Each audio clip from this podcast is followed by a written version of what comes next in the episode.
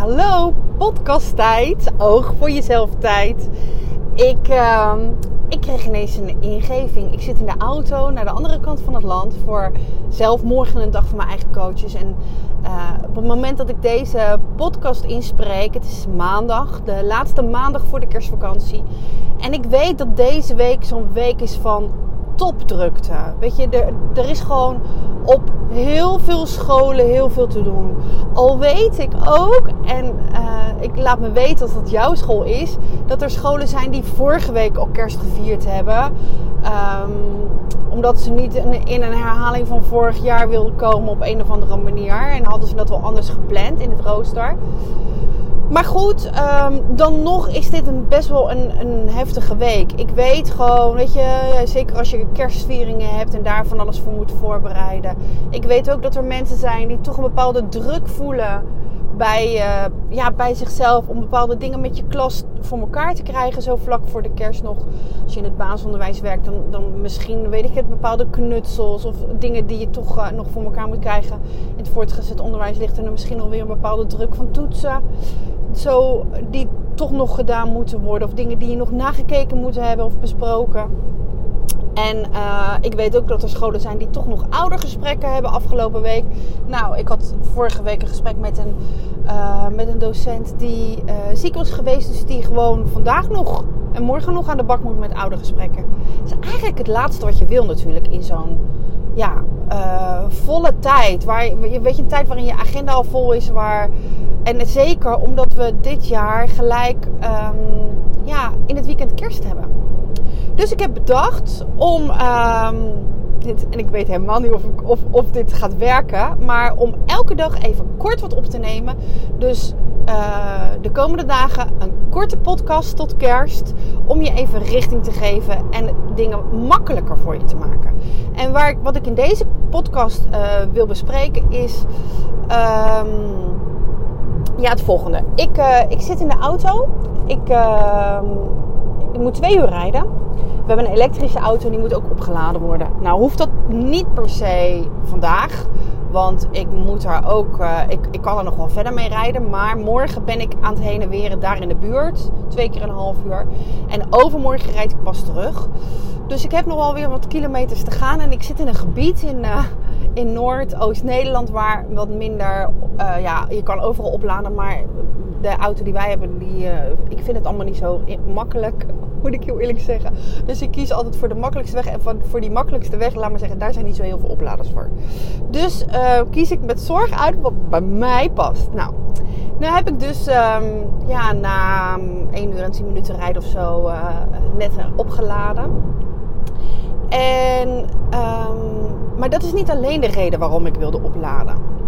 Ik zat in de auto en ik voelde na drie kwartier uh, voelde ik mijn lijf, voelde ik mijn rug. Ik ben namelijk anderhalve week geleden um, een soort van de helft van de trap naar beneden gesodemieterd, gestuiterd op mijn billen, uitgegleden eigenlijk. En op zich gaat het heel, heel veel, veel keer beter dan dat het gegaan is. En ik heb echt nog steeds last van mijn stuitje. Nou, lang leven stoelverwarming in de auto. Want uh, die warme stoel die draagt echt bij aan meer comfort. En mijn lijf trekt het eigenlijk niet om zo lang te zitten achter elkaar, twee uur. Nou, nou zou ik twee dingen kunnen kiezen. Als ik echt het in mijn hoofd zou beredeneren, dan zou ik denken... Kom op Chris, rij even door, nog drie kwartier verder en je bent op de locatie. En dan ben je voor de drukte daar.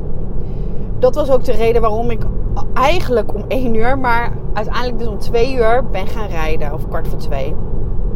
Omdat ik voor de spits er wilde zijn. Nou had ik er ook voor kunnen kiezen natuurlijk om vanavond te gaan rijden. Na zevenen bijvoorbeeld, na het eten.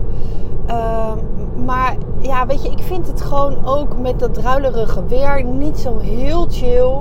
Om dan uh, in een omgeving te rijden die ik niet zo goed ken, in het donker. En zeker in, ja, uh, Noordoost-Nederland voel je niet aangevallen als je daar woont. Maar daar zijn de wegen gewoon veel minder verlicht als het bij mij in de Randstad. Dus dat vraagt meer inspanning. Dus ik heb gekozen wat voor mij fijn is. Als ik, als ik dat niet had gedaan, dan had, ik, ehm, dan had ik thuis gebleven tot na het eten. Want ja, heel eerlijk, man, lief en kinderen hadden het echt wel fijner gevonden als ik nog even voor hun uh, had gekookt, bijvoorbeeld. Ehm, maar goed, ik heb voor mezelf gekozen. Omdat ik gewoon voel dat dat mag. Um, en nog eventjes over, over dat stoppen. Over dus die pauze en even een wandelingetje terwijl de auto aan het laden is. Dat is ook weer een vorm van voor mezelf kiezen. Want als ik het dus met mijn hoofd zou doen, dan zou ik dus doorrijden. Want ja, uh, huppatee, even op wilskracht door. Dat doen we namelijk heel vaak. Ga maar eens bij jezelf wanneer je even op wilskracht doorgaat. En denkt, het kan nog wel even. En, um, ja, en ook um, daaraan dus voorbij gaat aan eigenlijk wat je echt nodig hebt. Wat ik echt nodig had, uh, is gewoon even beweging. Even uit de houding. Uh, betekent het dat ik nu in de drukte rij? Want ik zit nu in het laatste stukje van de route. Ja. Betekent het dat het al donker aan het worden is? Ja. En, um, en mijn lijf vindt het heel fijn dat ik die pauze heb genomen. Nou, waarom uh, deze boodschap voor jou? Ga voor jezelf eens kijken waarin je met je hoofd, met je gedachten, een beslissing maakt waarvan je denkt dat die goed is voor je. Maar als je erbij stilstaat, dat je weet dat je lijf wat anders nodig heeft. Want dat is zo'n belangrijk iets om te doen. En zeker in zo'n drukke, volle periode. Gun jezelf om gewoon, as we speak, nu je luistert, te, in te checken bij jezelf en te denken: oké, wat ben ik vandaag nog van plan? Uh, of wat heb ik gedaan? Wat eigenlijk, wat ik met mijn hoofd bedacht dat moest, maar wat ik eigenlijk met mijn lijf en wat mijn intuïtie misschien wel me zegt van, nou, nou dat eigenlijk slaat het nergens op wat je het anders mogen doen. Of mag je het nog anders doen als je het nog gaat doen. En onderneem dan ook die actie daarop. Want, want dit zijn uh, dingen om te doen die zoveel uh, energie bewaren bij je. Die zorgen dat je niet leegloopt. Door, die zorgen ervoor dat je oké blijft.